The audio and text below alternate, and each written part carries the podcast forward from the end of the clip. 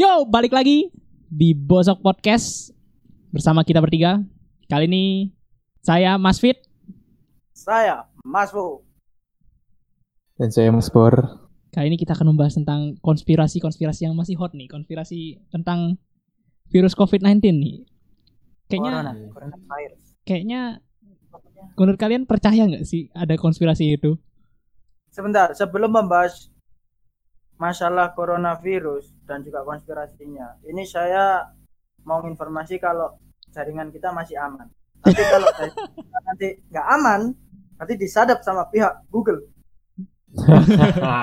Ada yang mendengarkan di balik sisi lain ya. Tapi kan konspirasinya katanya ya, kalau yang aku lihat ya dari beberapa sumber sama dari channel FE101 itu tuh Hmm. katanya kon- apa virus corona nih dibuat sama apa elit elit global jadi petinggi-petinggi dunia.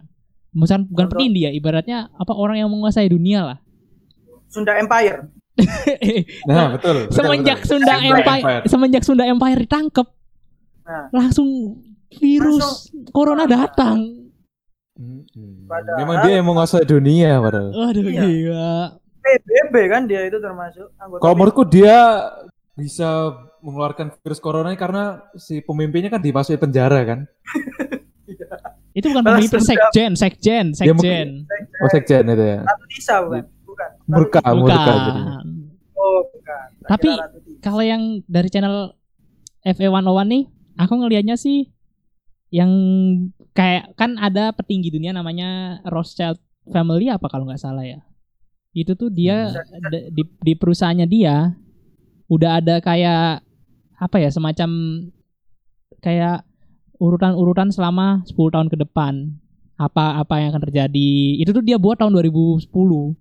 Dan itu tuh pas Jadi Roosevelt ini siapa ini? Maksudnya ya orang kaya dunia Siapa? lah, orang kaya dunia dia tuh kayak orang pengusaha terkenal lah dari di pokoknya di dunia oh dia maksudnya dia keluarga, membuat keluarga kaya lah. jadi karena dia keluarga kaya terus dia mempersiapkan kehidupan di 10 tahun mendatang gitu berarti. nggak tahu deh, aku juga nggak paham ya, tapi kayaknya pokoknya di perusahaannya tuh kayak ada semacam apa ya? reportnya gitu dia tuh udah buat akan ada step ini ini ini terus dia tuh juga ada buat di reportnya tuh kalau Cina kan ngelakuin lockdown mereka berhasil kan untuk nyembuhin kan sedangkan Amerika tuh gagal kan nah di Hmm. di buku di reportnya dia tuh juga udah ada. Itu aku dapat dari channel yang FA101 itu aku udah dapat gitu. Itu malah bikin aku jadi kok kok bisa gitu loh. Maksudnya rencananya tuh berjalannya kok kebetulan sama atau emang bener-bener emang udah direncanain gitu virus ini bakal gitu. Terus apalagi kalau yang Bill Gates tuh gimana ya? Aku nggak ngerti kalau yang Bill Gates tuh. Kalau Bill Gates tuh gini loh. Jadi saya ingatku dia itu pas datengin ke sebuah acara atau apa ya nah dia Oh, kan jadi dia jadi pembicara, tahun pembicara. 2015 di Nah, mana itu? TEDx. Aku, iya pokoknya nah, dia itu bilang gini meramalkan bahasanya ada kan negara-negara para petinggi itu kan lebih menginvestasikan dana ke kebutuhan kayak perang kayak gitu dari tank. Hmm, jadi mempersiapkan untuk persiapan perang dunia mungkin ya. nggak tahu perang dunia atau enggak nggak Hmm. tahu pokoknya kayak gitu investasi buat Terutama untuk investasi investasi penelitian keamanan nuklir. dunia investasi Hmm. keamanan dunia nah dan dia itu mengatakan bahwasanya eh ad- nggak apa ya untuk masalah hancurnya dunia itu nggak harus dari perang tapi bisa juga dari sebuah mikroba jadi mikroba itu bisa membunuh beberapa kayak sebagian lah sebagian masyarakat yang ada di planet bumi ini kayak gitu Nah, jadi lengkapnya gini sih. Yang aku ingat itu uh, dalam waktu ke depan bakal ada sekitar 10 juta manusia yang bakal lenyap bukan karena perang dunia, namun mela- melainkan dari uh, mikroba yang baru bermunculan sehingga membuat uh, sebagian dari wilayah manusia di bumi akan musnah. Itu, Itu- diomongin dia waktu 2015 di salah satu acara TEDx kalau nggak salah. Nah, kebetulan sekarang ini memang kejadian banget sih terus terus hal-hal yang kayak gitu sih. yang aku lihat dari apa ya dari podcastnya Om Deddy Kobuser sama Yang Lex nih itu bahas gini kalau sebenarnya physical distancing nih itu biar mempermudah para elit dunia tuh memantau. Karena kalau kita berkerumun itu tuh susah dapetin pantauannya gitu loh. Ibaratnya dari sinyal HP atau apa. Jadi kalau berkerumun tuh sinyalnya kayak ruwet gitu loh. Ngerti gak sih? Nah makanya disuruh physical Oh, distancing ya, biar bisa, bisa. biar mereka tuh memoni- memonitornya itu gampang. Wah itu anjir serem banget sih ya. Sebentar, sebentar. Tapi kalau mau- kalau kayak gitu bisa menurutku malah salah sih. Kalau misalkan eh, orang itu tidak berkerumun, berarti kan ibaratnya sinyal frekuensi dari salah satu elektronik yang mereka punya nggak akan terdeteksi secara jelas. Tapi kalau misalnya mereka berkumpul, tapi kan pasti bakal eh, untuk mendeteksi sinyal yang ada di sana bakal lebih mudah karena kok apa ya frekuensi yang ditimbulkan makin kuat toh. maksudnya nggak berkerumun lu nggak terlalu deket gitu loh Mas Bor jadi ibaratnya kayak kita kan apa jarak satu meter kan tapi kan tetap berkumpul kan jadi Heeh. berkumpulnya tuh nggak terlalu banyak Heeh. sehingga waktu memonitor tuh Heeh. kayak nggak terlalu Lebih ribet gampang. gitu loh lebih gampang jatuhnya Eh, sebentar. Saya potong. Ini buat teman-teman ya. Eh, konspirasi ini nggak selamanya benar. Jadi kita sesuai tentang main kita. Jadi jangan langsung ibaratnya baper, langsung ngomong yang enggak-enggak. Jadi kalian Hmm. boleh percaya dengan konspirasi, tapi kalian harus tahu fakta di balik dari konspirasi itu. ya ini cuman opini Memang kita tujuannya adanya tujuan dari konspirasi kan belum bukan untuk dipercaya tapi untuk di sebagai itu kayak apa ya kira-kira namanya, gitu loh kira-kira. pengetahuan. Nah. Pengetahuan yang uh, lain lah, wawasan kita lah. yang lain. terus apalagi kalau yang kalau yang enggak kalau yang dibiasain di work from home ini itu tuh biar biar, biar para manusia tuh biasa kerja di dalam rumah. Jadi mereka tuh nggak ke mana-mana. Jadi kayak ibaratnya fokusnya ke teknologi aja. Jadi nggak besok-besok tuh nggak usah nggak nggak perlu ada yang keluar Hmm. rumah Nah, betul, betul. Itu- Ngomongin soal teknologi nih, kan ada juga yang konspirasi mengenai oh su- eh, virus corona ini timbul dari karena pengembangan teknologi 5G. Ya, ya, ya. Nah, menurutku ini kalau menurutku sendiri sih, pengembangan teknologi 5G ini nggak masuk akal sih sama hubungannya sama virus corona. Ini sama halnya waktu dulu ketika teknologi 5G pertama kali ditemukan tuh. Kalau nggak salah di negara Swiss kalau nggak salah. Jadi ada eh, apa sih namanya habit bukan habitat ya apa bur- kurungan buru Hmm. yang ada di negara itu mati semua karena dampaknya dari frekuensi yang ditimbulkan dari teknologi 5G. Nah, namun kenyataannya waktu setelah ditinjau lagi semua itu hoax. Ya menurutku itu sama halnya kayak yang teknologi 5G mempengaruhi penyebaran atau me- memulai dari virus corona ini. Terus aku mau nambahin yang masalah Bill Gates tadi ya. Nah, kenapa Bill Gates kok tiba-tiba ngomong kayak gitu? Soalnya ada latar belakang kejadian tahun berapa ya lupa aku. Ada namanya flu Spanyol. MERS Oh, ratusan tahun yang lalu itu. SARS SARS apa apa bukan ya Bukan, bukan, itu beda. Flu Spanyol itu bisa membabat habis berapa beberapa ratusan orang dengan jangka waktu yang cukup cepat kayak gitu. Nah, dari situ makanya dia ngomong kalau misal kita terlalu investasi kepada hal-hal yang berbau ibaratnya kayak militer, kita tidak mempedulikan sesuatu yang kadang masih nggak dipikirkan oleh orang-orang. Nah, itu yang bisa jadi timbul masalah baru kayak gitu.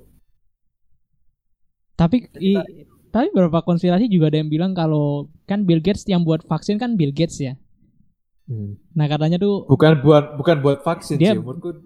Kar- dia tapi kan investasi. Iya, tapi kan dibalik dibalik bikin dia chip kan. Iya, yang bikin chip itu masuk itu.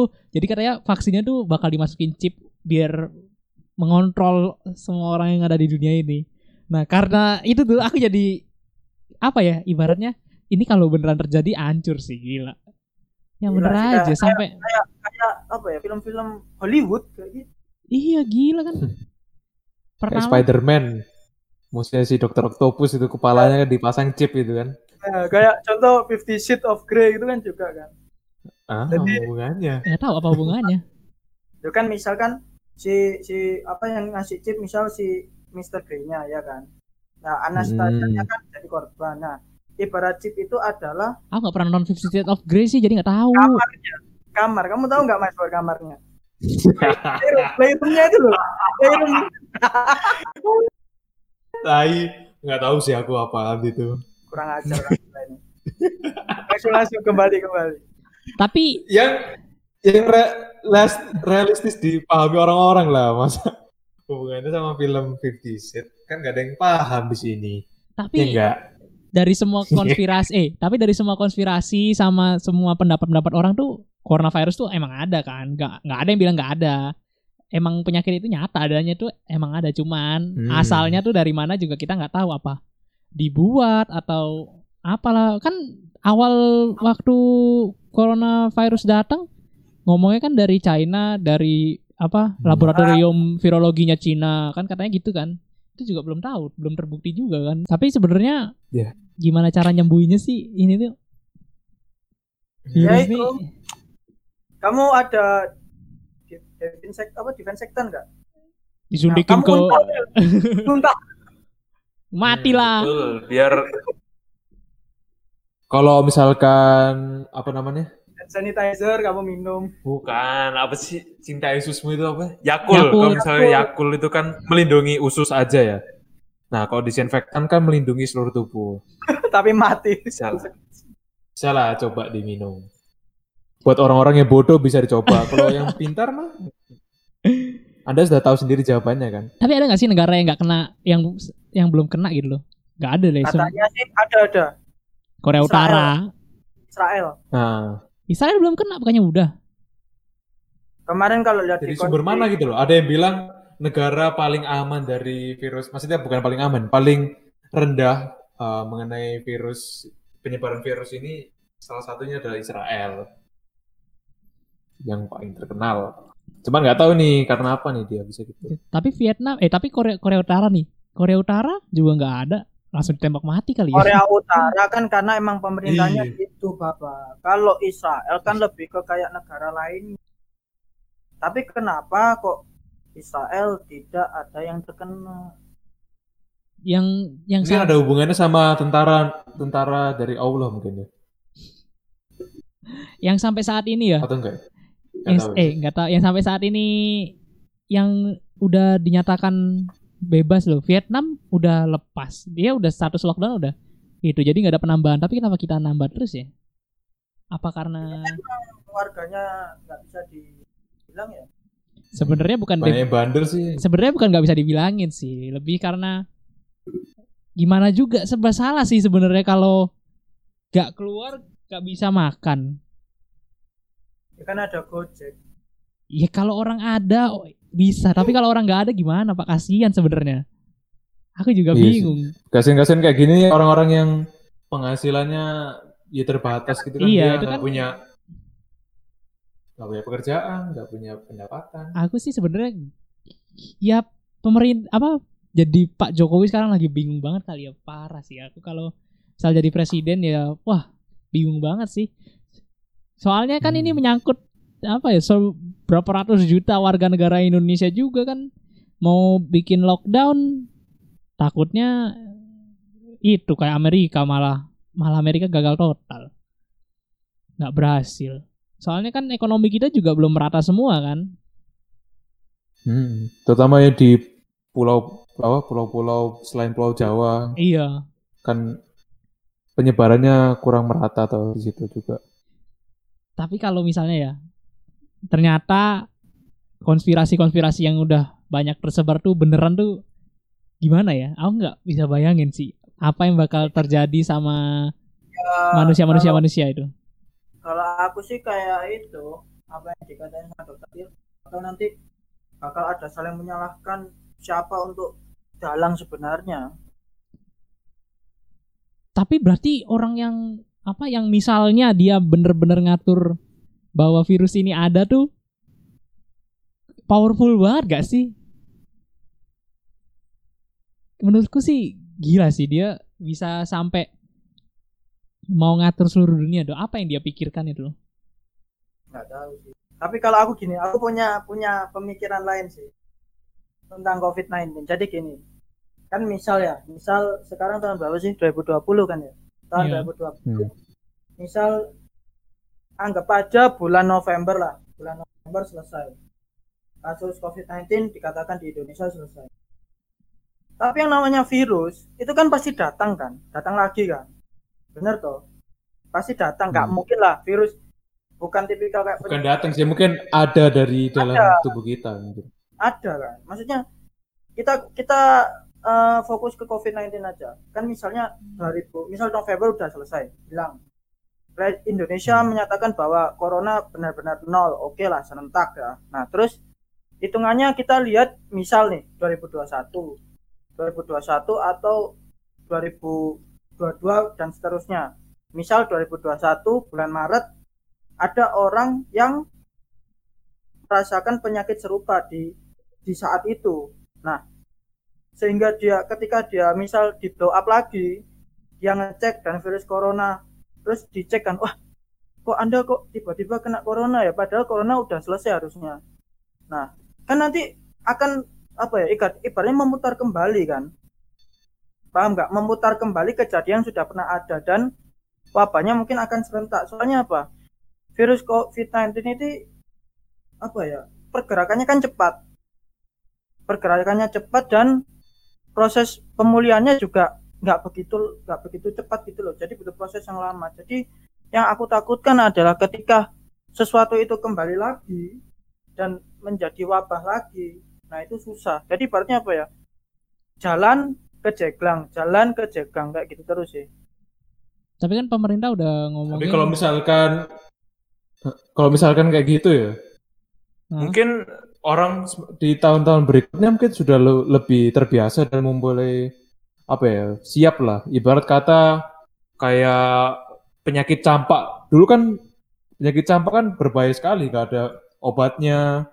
Hmm. Dan kalau misalnya orang sudah terkena, ya gimana? Dia ibarat kata sudah siap mati lah kalau kayak gitu.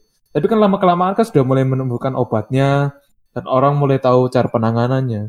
Tapi Jadi kan ya kalau misalkan di ke depan ke depannya ada lagi, mungkin sudah siap sih orang-orang dan sudah tahu cara penyembuhannya sih. tapi kan kalau campak prosesnya nggak cepet bukan Iya Maksudnya sama. penularan masa penularan cepet campak Campak itu sih bersentuhan sih. sama COVID-19 juga harus bersentuhan kan. Emang pas awal Kan udara juga bisa tapi covid. Oh iya dah.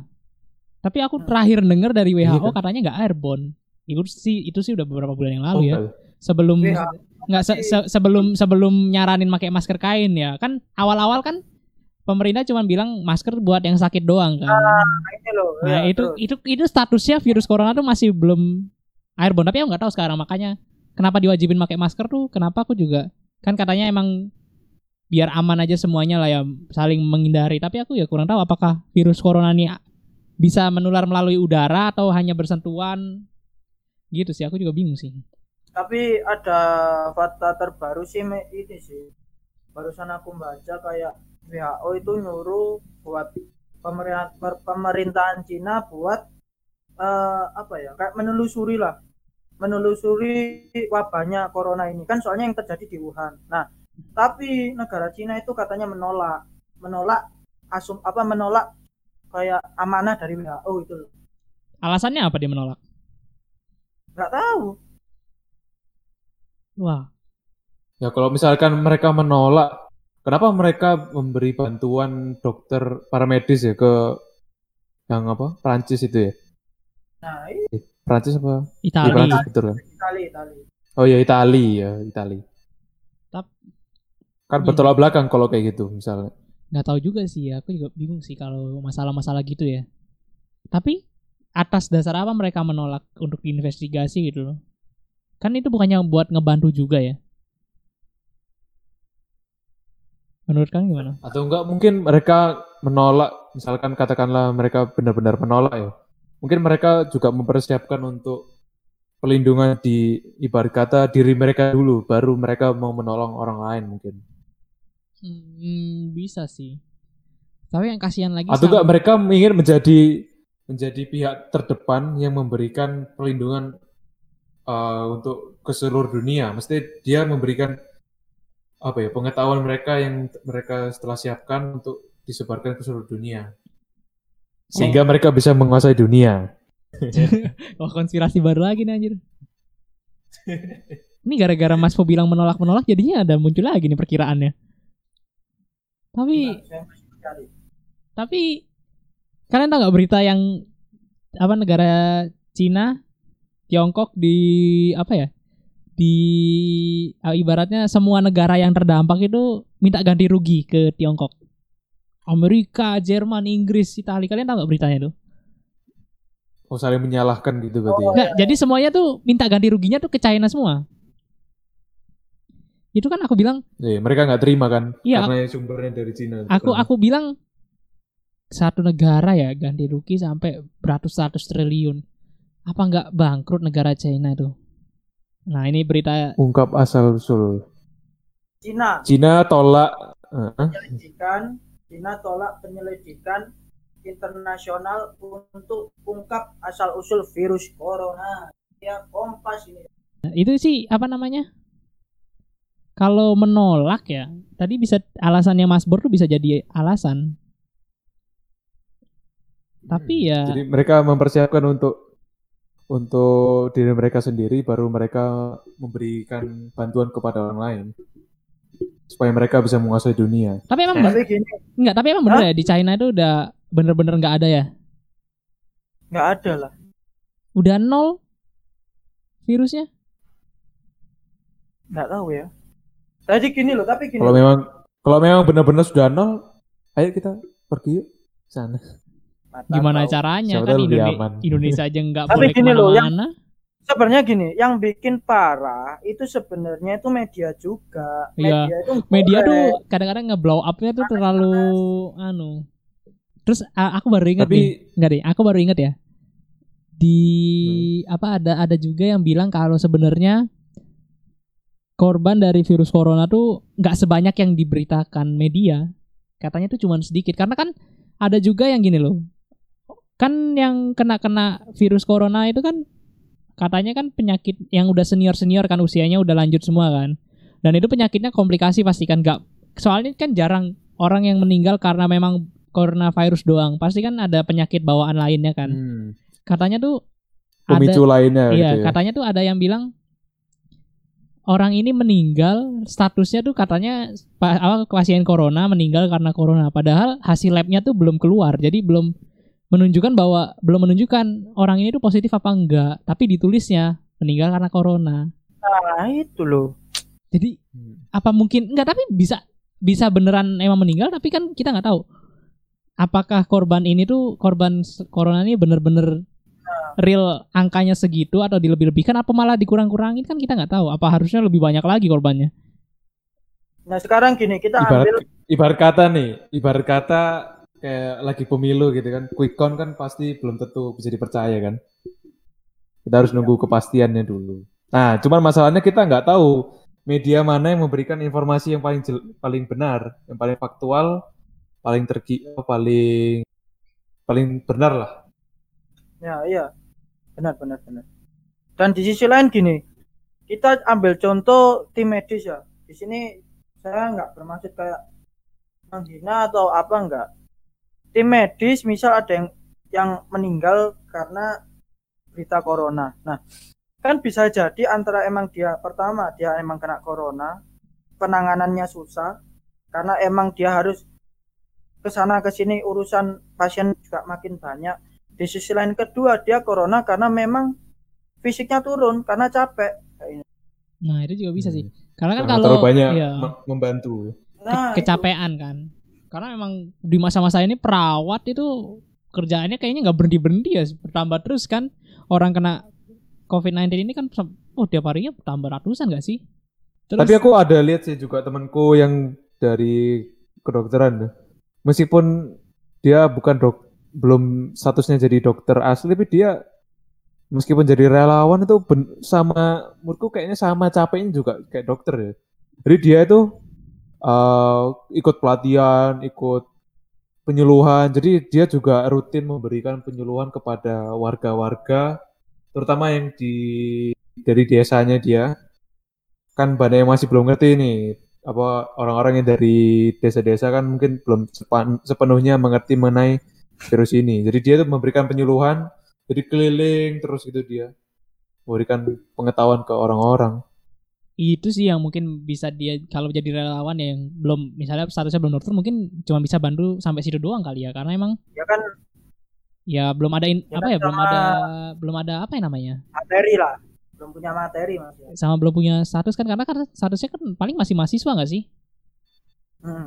Iya. Ya, jadi kan gini sih kalau kata dokter kita kan tim medis itu kan ada ada dua ada garda depan ada garda belakang garda depan emang yang lagi ngurus teman-teman kita yang terkena wabah yang suspek. Nah yang gar- garda ke belakang itu gimana caranya kita apa melakukan himbauan kayak gimana kita melakukan apa namanya eh apa? Pelatihan penyuluhan gitu. nah, penyuluhan ke masyarakat kayak gitu. Tapi ya? Ibaratnya kamu eh, ibaratnya kamu punya kamu influencer dan kamu dokter nah itu kan bisa. Tapi ya menurutku kalau ini sampai lama-lama misalnya sampai akhir tahun rasanya orang-orang juga bakal mikirnya masa bodoh gitu loh. Ya udahlah ya, kok gak habis-habis kalau gini terus kan ekonomi juga hancur. Iya nggak sih? Kayak Iya. orang ya udahlah kita mau gimana lagi kalau kalau kita work from home terus nggak ya gimana ya? Gila aja ekonomi Ya bisa dibilang mungkin semakin semakin lama ya orang juga semakin kehabisan pilihan. Iya, soalnya mau nggak Mau mau lagi mau cara hidupnya. apalagi yang kerja harian kan kayak pak abang gojek atau yang pokoknya yang kerja kerja harian pasti ngomong mikirnya gini ya daripada saya dan keluarga saya nggak makan kan?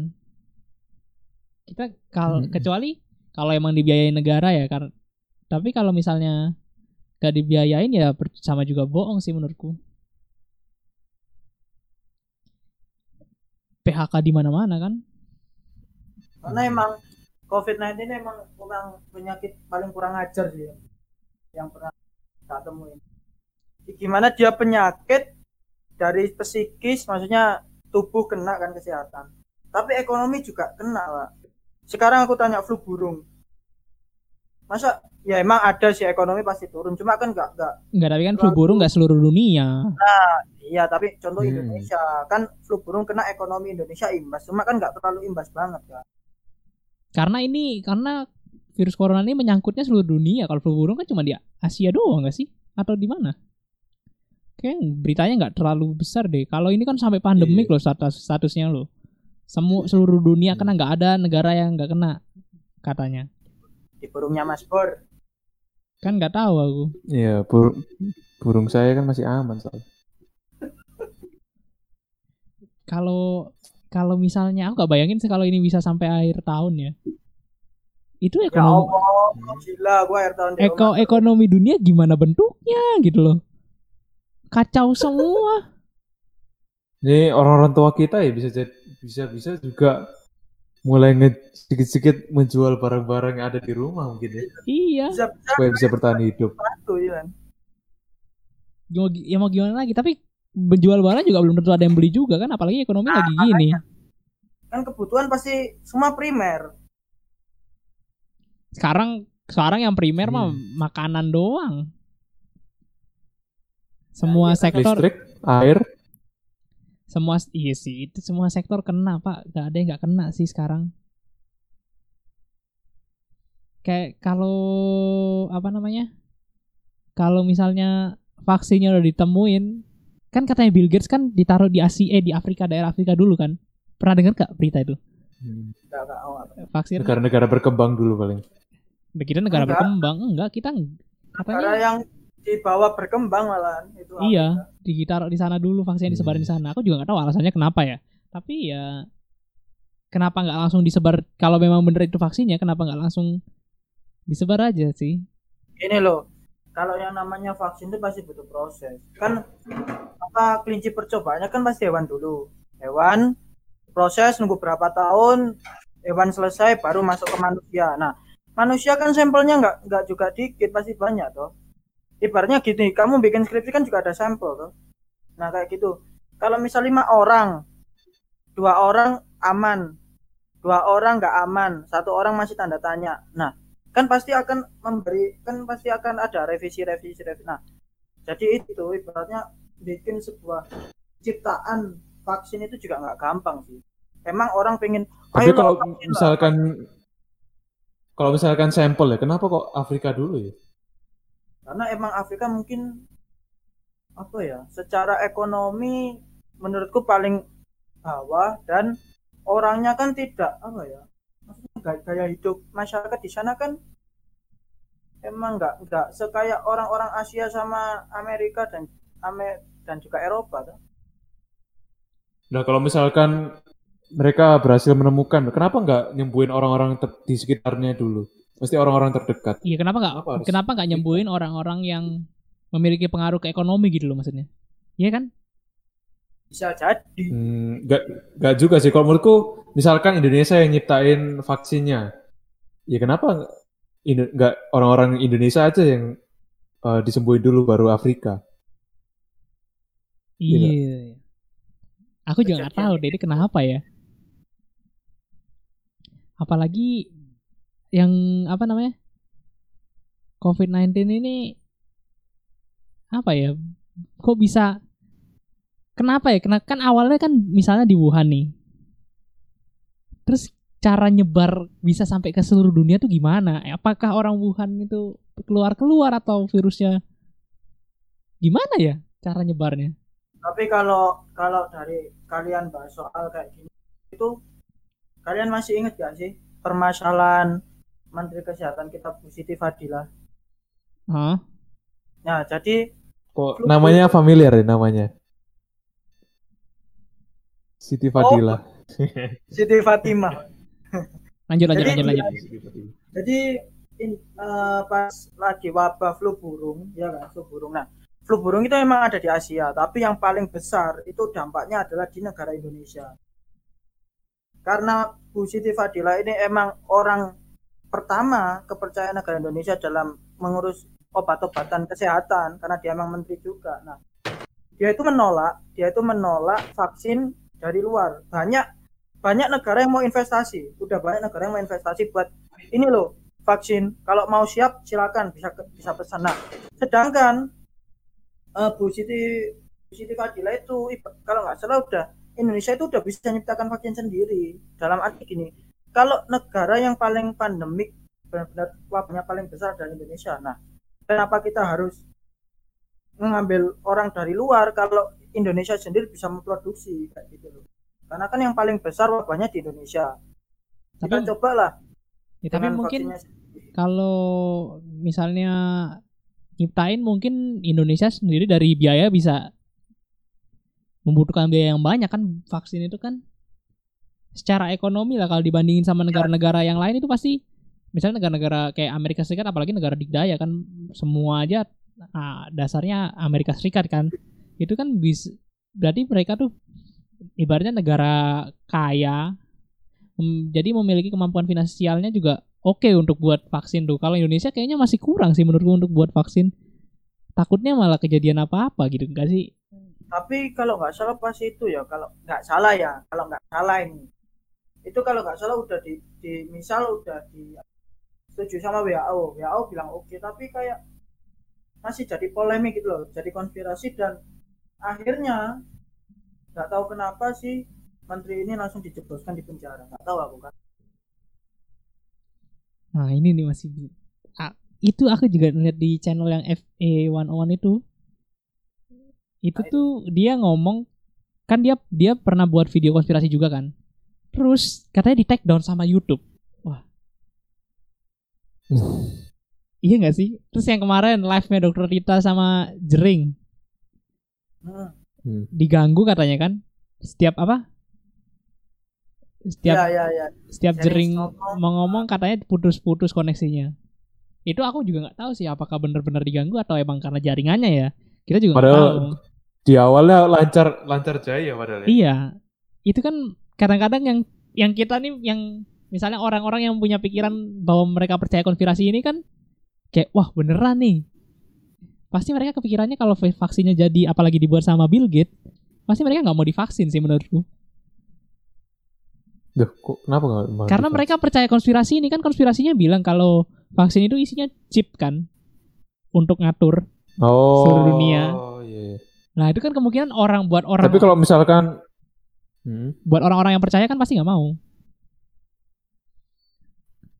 Kalau misalkan apa nih? ya tapi kalau menurutku ya selama belum ada pilihan lain ya mau gimana lagi kan kayak gitu kan. Toh lagian nggak bisa dibuktikan secara konkret loh misalkan benar-benar kayak gitu. Tapi kalau misalnya bener-bener kejadian sih, berarti seluruh dunia ini yang ngatur elit-elit dunia gitu loh. Semua semua kehidupan kita dipantau kita kalau ke mana-mana dipantau. Nih biar paham teman-teman PL dunia menurutmu siapa aja mas? Ya orang-orang Elit yang dunia yang- orang-orang yang kaya lah di dunia yang punya keuangan lebih-lebih. Elit dunia itu Maksudnya gini sih. pemasok Kalau, modal, pemasok modalnya berarti ya. kalau pikiranku sih gini, elit dunia itu orang yang dia nggak syarat orang yang nggak terlalu dikenali di seluruh dunia, tapi dia itu punya apa ya? Punya kewenangan besar dalam hidup itu loh. Sehingga dia bisa mengubah mengubah apa ya? pergerakan kegiatan yang ada di dunia kayak gitu. Iya, kalau eh yang dari konspirasi tadi kan apa ya dunia di konspirasi bilang perusahaannya siapa sih? Aku lupa antara Rothschild atau Rockefeller. Itu tuh dua elit dunia yang paling berpengaruh katanya. Itu tuh mereka tuh bisnismen, tapi kayaknya tuh kayak ya ibaratnya berapa turunan juga apa namanya? nggak anu lah. Nggak habis-habis sih. Iya. Itu kan apa ya? Berarti mereka tuh dengan kekayaan itu tuh mereka bisa mengontrol seluruh dunia. Oh ternyata yang konspirasi yang itu tuh yang konspirasi apa katanya ada yang aku cerita di pertama yang kalau apa namanya udah di ditata sedemikian rupa akan berjalannya virus ini tuh Rockefeller Foundation dokumen salah satu dokumen yang dirilis oleh Rockefeller Foundation dan Global Business Network yang ditampilkan di Universitas PBB. Nah, itu tuh dokumen itu mengklaim bahwa wabah corona dan konsep lockdown sudah disetting 10 tahun yang lalu. Dengan bukunya itu judulnya Scenario for the Future of Technology and International Development. Anjir kan? Gimana menurut kalian? Kalau kalau mereka ih, tahu aku juga bingung lah. Nggak bisa ngomong. Aku kalau misalnya beneran ya. Kalau misalnya beneran aku nggak tahu lagi sih. Aku semenjak tahu konspirasi ini kayak kepikiran gitu loh. "Ini kalau beneran gimana? Apakah beneran apa enggak? Karena emang konspirasi emang udah di ibaratnya udah di apa ya udah di planning lah. Contoh kayak kalian bikin perusahaan Hmm, kalian udah tahu apa 10 tahun ke depan trennya apa. Nah kalian dari 10 tahun sekarang udah ibaratnya udah ngasih planning. Apa sih yang harus di, aku lakukan di 10 tahun ke depan? Kayak gitu sih. Pengaplikasiannya itu kayak gitu contohnya. Iya sih tapi nih ya baca lagi nih dari berita di artikel salah satu artikel di internet bilang dalam skenario tadi yang di bukunya Rockefeller Foundation Rockefeller. Iya Rockefeller, Rockefeller Foundation itu bilang ada dijabarkan 8 tahapan soal wabah mematikan COVID-19 nih. Nah, tahapannya ini udah persis banget sama yang apa yang kita alamin sekarang ini. Jadi pertama kan ada flu baru yang sangat mematikan. Habis itu yang kedua tahapannya itu ekonomi lumpuh, industri mati, rantai supply hancur.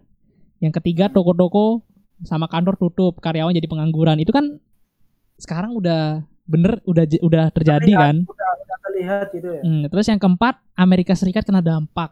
Ska, udah iya kan kita udah lihat juga Amerika kena. Terus Cina ini menga- mengawali lockdown dan bisa sembuh dari wabah.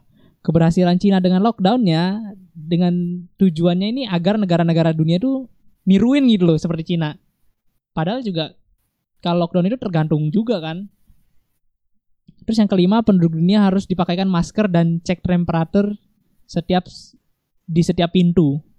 Ya anjir ini kan ini sekarang ya. Terus yang ke Spesifik banget gitu bentar ya. bentar bentar, bentar. itu itu udah udah ditata gitu emang iya ini di terus terus dia bilang tahapan keenam kontrol otoriter terus berjalan dengan dan terus ditingkatkan walau wabah telah hilang. Nah, ini berarti belum lah ya kalau kontrol wabah belum telah hilang berarti kita masih sampai di tahap kelima kali ya. Pakai masker. Tahap ketujuhnya nih Itu sampai tahap berapa itu berarti? ke-8.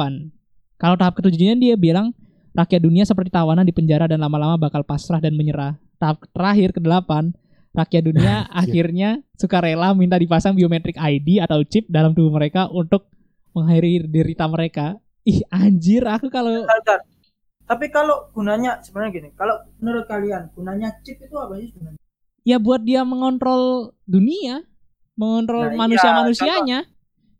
misal gini misal kayak kita itu diasumsikan sebagai robot gitu toh ketika Iya. uh, si si controller bilang maju berarti kita maju Enggak, kita- maksudnya lebih ke gini loh. Jadi yang elit dunia ini bisa tahu sih menurutku kayak gini karena elit dunia ini bisa bisa tahu gitu loh. Ini orang ke mana aja, apa aja yang dia lakuin. oh gitu. ya ya ya, ya. Iya nggak sih?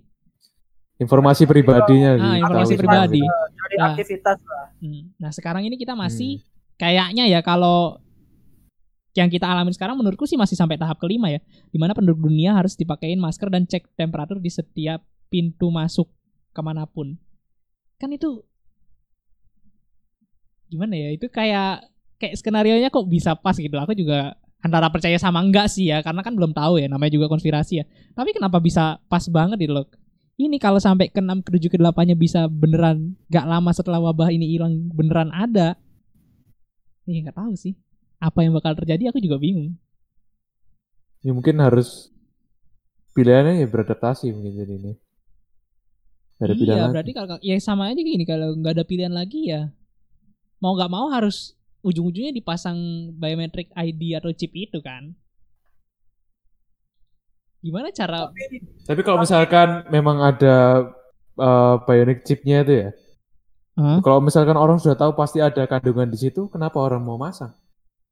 bisa tapi aja dipaksa? kalau chip itu meledak Nggak bisa aja Oke. dipaksa kalau dia nggak. Tadi kan Mas Abro nanya kenapa orang itu mau dipasang? Ya bisa aja dipaksa.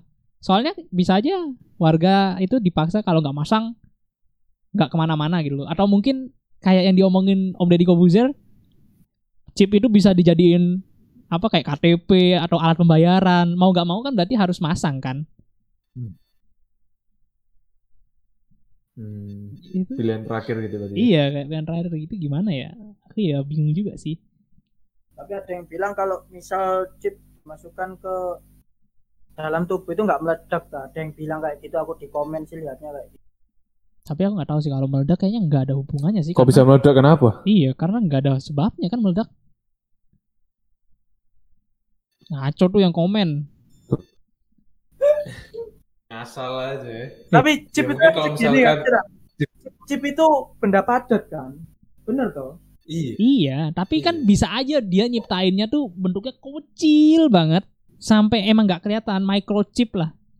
microchip oh kayak Optimus Prime ya berarti Pikiranmu jangan chip ke Rasanya memory kalau card. sekarang kalau Segede sekarang sih ratanya teknologi teknologi kayak gitu belum belum sampai sih. Kalau misalkan microchip bisa masuk ke dalam tubuh dan bisa beradaptasi dalam tubuh rasanya nggak mungkin sih kalau Ya makanya lagi sekarang. ya iya sih, tapi kan bisa aja sekarang diam-diam mereka lagi ngembangin teknologi ini kan kita nggak tahu apa yang terjadi di sana. Secara kita sekarang di rumah terus. Iya nggak sih? Kayak kita udah ibaratnya apa ya ini? Udah nggak ya mau gimana lah udah ini hampir berapa sih kita di rumah dua bulan sebulan lebih kayaknya dua bulan ya. dua bulan dua bulan dua bulan di rumah terus bayangin bos dan nggak ada harapan maksudnya bukan bukan nggak ada harapan nggak nih. ada pandangan buat sampai kapan kita di rumah Iya, terus. tapi kan pemerintah udah bilang Corona negatif gila ya nggak, tapi kan pemerintah udah udah bilang kan katanya puncaknya Juni atau nggak Juli nggak sih selesainya? Bukan bener-bener hilang ya, mungkin puncaknya, tapi masih sampai akhir tahun. Hmm.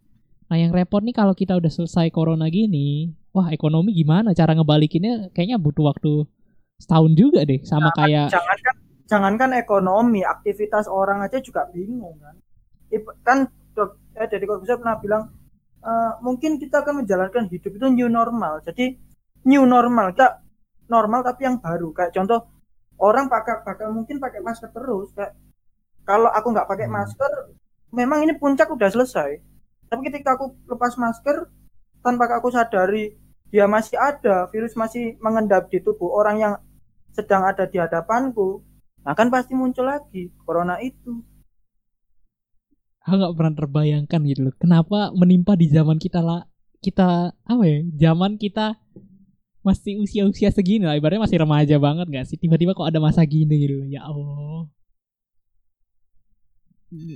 Gak pernah. Hancur kehidupan ya Iya ya sih. karena manusia sudah melupakan Tuhan tapi kalau misalkan terjadi di beratus-ratus tahun yang lalu juga kacau sih ada sih. Ya setidaknya kan kita tidak mengalami. Ya intinya jangan sampai ada wabah ini terjadi sih sebenarnya. Iya sih. Jadi ya menurutku sarannya saranku ya buat orang-orang yang sekarang lagi nggak bisa ke mana-mana. Ya menurutku ya work from home biar cepet lah ya istilahnya ibaratnya biar ini kan kita disuruh di rumah nih biar memutus mata rantai kan biar nggak nyebar-nyebar. Terus kan terus kan apa namanya? Kalau kita masih keluar ya pakai masker. Ya menurutku sih ya diturutin dulu lah protokol-protokol dari pemerintah tuh biar selesai lah. Capek sebenarnya.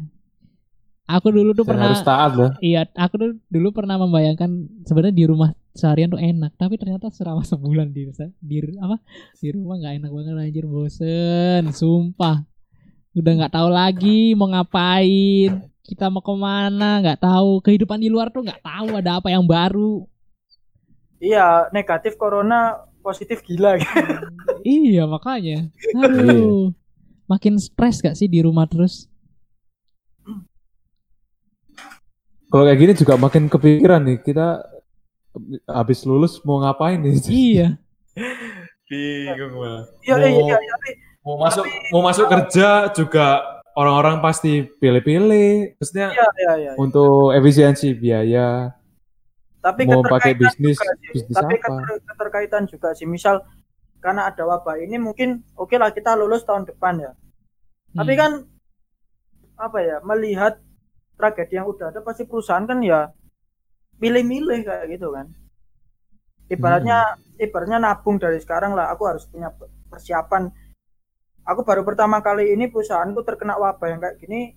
Satu saat mungkin kan pasti ada lagi. Nah, seenggaknya aku udah nyiapkan dari sekarang dari pembelajaran COVID-19 yang ada di tahun ini kayak gitu. Tapi Tapi menurutku kayak gini itu enggak ya percuma kita ngomongin terus konspirasi kalau kita nggak ada ujungnya sih sebenarnya. Iya makanya, makanya itu Iya tadi kita juga nggak kepikiran ujungnya nih kapan, sampai kapan ini akan terjadi, sampai sampai kapan kita di rumah terus, sampai kapan kita nggak bisa keluar ke mana-mana gitu loh. Menurut kalian gimana? Iya Sampai kapan menurut kalian? Kira-kira lah menurut kalian bertiga nih sebagai penutup podcast kita nih, sampai kapan virus ini berakhir? Pandangan kalian ya, bukan definisi berakhir sih, bukan gini ya. Definisi berakhirnya ini virusnya udah mulai berkurang, terus sampai bener-bener nggak ada tuh kapan menurut kalian? 2021 Kalau menurutku, ya, kalau menurutku sampai ada suatu negara yang mereka mengalami paling kondisi paling terburuknya, maksudnya korbannya paling banyak, dan akhirnya mereka berhasil menciptakan solusi dari semuanya ini, baru mereka bisa berhasil memberikan dampak positif, eh, mestinya memberikan vaksin ke seluruh dunia. Kalau Mas Fu kapan? Kalau aku sih tadi 2021 sih karena pertama pengembangan vaksin itu sendiri pasti butuh waktu yang lama lah. Kalau memang vaksin bisa terrealisasikan dalam waktu satu tahun itu pun masih vaksin itu sih apa namanya masih vaksin yang coba-coba itu apa namanya kayak gitu. Prototype. Nah prototype kayak kayak gitu sih kalau rasaku. 2021 sih menurut 2021 berarti kita udah bisa hidup normal lagi. Kalau nah kalau Moga-moga. itu- kalau aku ngeras keyakin hidup normal itu maksudnya kayak secara cepat kita kembali ke sebelum COVID-19 datang itu enggak. Itu pasti butuh proses. Mungkin. Meskipun Hmm. meskipun COVID-19 udah nggak ada, pasti orang-orang itu harus adaptasi lagi, yaitu lagi normal kehidupan yang baru. Gimana caranya orang menghadapi serangan yang ibaratnya psikisnya itu udah apa ya, udah hilang itu loh. Udah nggak feel lagi. Karena nah, karena gini, ketika media nyambung ke tadi ya, karena media ibaratnya udah nakut-nakutin. Nah, orang kan kepikiran, orang kepikiran psikis pasti turun. Nah, ketika psikisnya turun, pasti badan drop. Nah, nyerang penyakit lain buat datang masuk kayak gitu loh. Berarti masih Paham? Sebenarnya berarti nggak berarti intinya pasti butuh waktu lama banget dong buat balikin ke normal lagi. prosesnya pasti lama kayak gitu. Serba salah. Jadi bisa sih. dibilang kan sekarang kan eh, eranya industri 4.0 ya. Ah, Mungkin kalau setelah habis corona ini jadi langsung 5.0 mungkin ya. Semakin cepat perubahan industri. kayak ngeskip. Mm-mm. Tapi Dari kan- era industri 4.0 itu cuman singkat langsung lompat ke 5.0. 5.0 berarti semuanya teknologi udah nggak ada ketemu-ketemuan lagi manusia. Mungkin. Kamu kira teknologi Avenger? Eh, Loh. Tapi kayaknya Ya gini loh, ibarat kata kita kita ini saat ini kan bisa terselamatkan bisa hidup apa ya, ibaratnya lebih nyam apa tetap hidup nyaman kan karena pengaruh teknologi kan. iya sih benar-benar. Belanja kita sudah terpengaruh oleh belanja online. Hmm. Interaksi interaksi online. tapi yang permasalahannya itu penghasilan Ya kan, orang-orang. cep- Nah itu loh. Iya sih. Dari mana mereka kalau tidak kerja kan? Nah itu. Aku nggak bayangin kalau kita di masa di kita di posisi orang-orang yang sedang kerja sekarang ya. Aku nggak bayangin. Aku kita masih beruntung nih. Kita masih kuliah gitu loh. Seharusnya masih mahasiswa kan. Kecuali Hmm, kalau gini, kepala kalau keluarga juga. kecuali gini kalau kita bertiga kerja di Google, di Facebook, di Instagram. Nah, orang-orang ketika pandemi gini aktivitasnya di situ. Nah, kita bekerja di situ. Sekarang kalau kita Hmm. usaha, usaha misal nasi goreng, pizza bakar, eh pizza, pizza, pizza ya. Pizza bakar. Pizza dibakar semua sih. Pizza dibakar nggak sih? Nggak ya? Open ya? Bakar, dibakar atau direbus? bener. Bakar. Iya bener sih. Kok direbus? Nah, direbus itu- gua pikir ku bolu apa? Yang yang jadi masalahnya adalah pekerjaan yang konvensional. Nah itu. Menyerangnya di pekerjaan Hmm. konvensional, nah kayak gitu. Nah, ya makanya kan mempercepat uh, perubahan industri yang baru kan. Tapi membalikin ekonomi ke awal lagi itu susah juga. Lama juga. butuh proses. Ya kalau misal masyarakatnya juga mau ngikut. Nah kalau masyarakatnya masyarakatnya nggak mau. Iya, soalnya kan beberapa ada yang masih belum ngerti teknologi mungkin kan karena emang ibaratnya apa ya beda era gitu loh generasinya beda kan generasi milenial dan generasi yang senior kan pasti beda kan. Untuk pemahaman mm, apa teknologinya tuh pasti beda. Susah menurutku sih kalau untuk langsung lompat ke Hmm. 5,0 karena nggak semua orang ngerti. Dan ekonomi juga imbasnya tuh pasti wah gimana ya? Terus kalau aduh parah sih coronanya. Nggak pernah membayangkan hidup di masa gini nih ya Allah. Kayak dulu krisis 98 tuh Hmm. ceritanya udah parah banget gitu loh ya krisis moneter sekarang Padahal krisis 98 cuma di negara Indonesia. Iya. Ini sekarang seluruh, dunia, bos gila efeknya seluruh dunia jadi gimana nih menurut sobat galer Gak enak banget sih buat pendengar kita kenapa harus sobat galer sih Soalnya sukanya garuk-garuk garuk-garuk leher. leher. Hmm. Kan kalau orang bingung kan garuk-garuk leher kan? gaher dong Ya enggak? Ya kan galer bedanya. Iya sama. ya udah aja. gimana lah menurut pendengar-pendengar kita nih kalian percaya konspirasi ini atau enggak tapi kalau enggak ya yang yang pasti ya virus itu emang ada penyakitnya itu emang nyata nggak ada yang bilang nggak nyata sih penyakitnya nah kita karena ada konspirasi ini makin ibaratnya apa ya konspirasi ini kayak hanya kira-kira orang-orang lah ya gimana. Konspirasi ini muncul kayaknya kar- karena orang-orang yang terlalu terlalu berlebihan dalam pemikirannya mungkin ya. Atau mungkin orang-orang yang terlalu takut. Kalau aku mikirnya sih. konspirasi ini bisa jadi di- apa ya membuat orang itu semakin takut semakin takut dalam arti gini kalau misal orang-orang yang dablek dikasih tahu faktanya dia masih nggak mau ngikut kasih aja konspirasi biar dia bisa berimajinasi kalau sesuatu konspirasi itu bisa jadi bisa jadi nyata jadi kalau menurutku ada sisi positif ada sisi negatifnya awalnya dari mana ya konspirasi gini nih? Hmm? Awalnya yang nemuin sampai sampai bisa nemuin bukunya si Rockefeller Foundation ini loh. ya kita ya aku sama Mas Pur pas itu kita ke seribu tahun yang lalu ya pakai Oke. kita ya. kita Pindah ke mana saja? kita naik kita naik kapal selam terus nyemplung di lubang hitam gitu. kita masuk ke apa namanya segitiga Bermuda dulu Nah, terus Naiknya kita lihat Antel Antis Atlantis, ada Aquaman, Ah, Hmm. ini semakin Ada- jauh ya. Hmm. Eh kita bahasa kita ini semakin jauh dari konspirasi corona. Aquaman ya. Ada Aquaman ya kemarin ya. Kalau kita lihat ya. Hmm, ada Aquaman sama Ultraman. Semakin jauh dari konspirasi corona ya yang kita bahas nih. Tapi tapi gini, Iya. konspirasi corona ini kalau dikaitkan sama superhero sih sangar ya, Marvel ya. Tan- Thanos kan ibaratnya. Hmm. Saya ingin menghilangkan jiwa-jiwa yang nggak penting lah. Akhirnya Anjir sekarang, agak penting Hmm. bangsat. akhirnya sekarang Tapi kan itu kok ada wujudnya. Iya ini gak ada virus tuh Nggak wujudnya Ada wujudnya. ada wujudnya cuman kecil. kecil ya. Iya. Kan siapa yang bisa lihat kan? Bisa di Hmm. Ibarat mikroskop. kalian lagi bertarung sama kalian lagi bertarung sama jin. Siapa yang bisa lihat? Ya enggak? Bisa, eh, bisa kalau punya mata batin ayo. Iya, maksudnya kan umumnya kan kelihatan. Oke, sebelum kita tutup, Hmm, eh, tadi pembahasan kita tadi itu ada berdasarkan opini. Ya Opini. Bukan berarti kita bukan berarti faktanya seperti itu ya. Ya, ya, opini-opini kita dan Meskipun ada si- sisipan-sisipan fakta sedikit lah. Hmm. Jadi Meskipun kita tadi sempat tarung ya, tarung argumen gitu. ya. jadi jangan lupa buat pendengar-pendengar kita lagi-lagi subscribe dan follow Spotify kita. Linknya kalau Spotify ada di deskripsi. Jangan lupa kalian like juga video ini ya. Kalian share ke teman-teman kalian. Sekian dari kita Sekian dari podcast. mendengarkan. Dadah.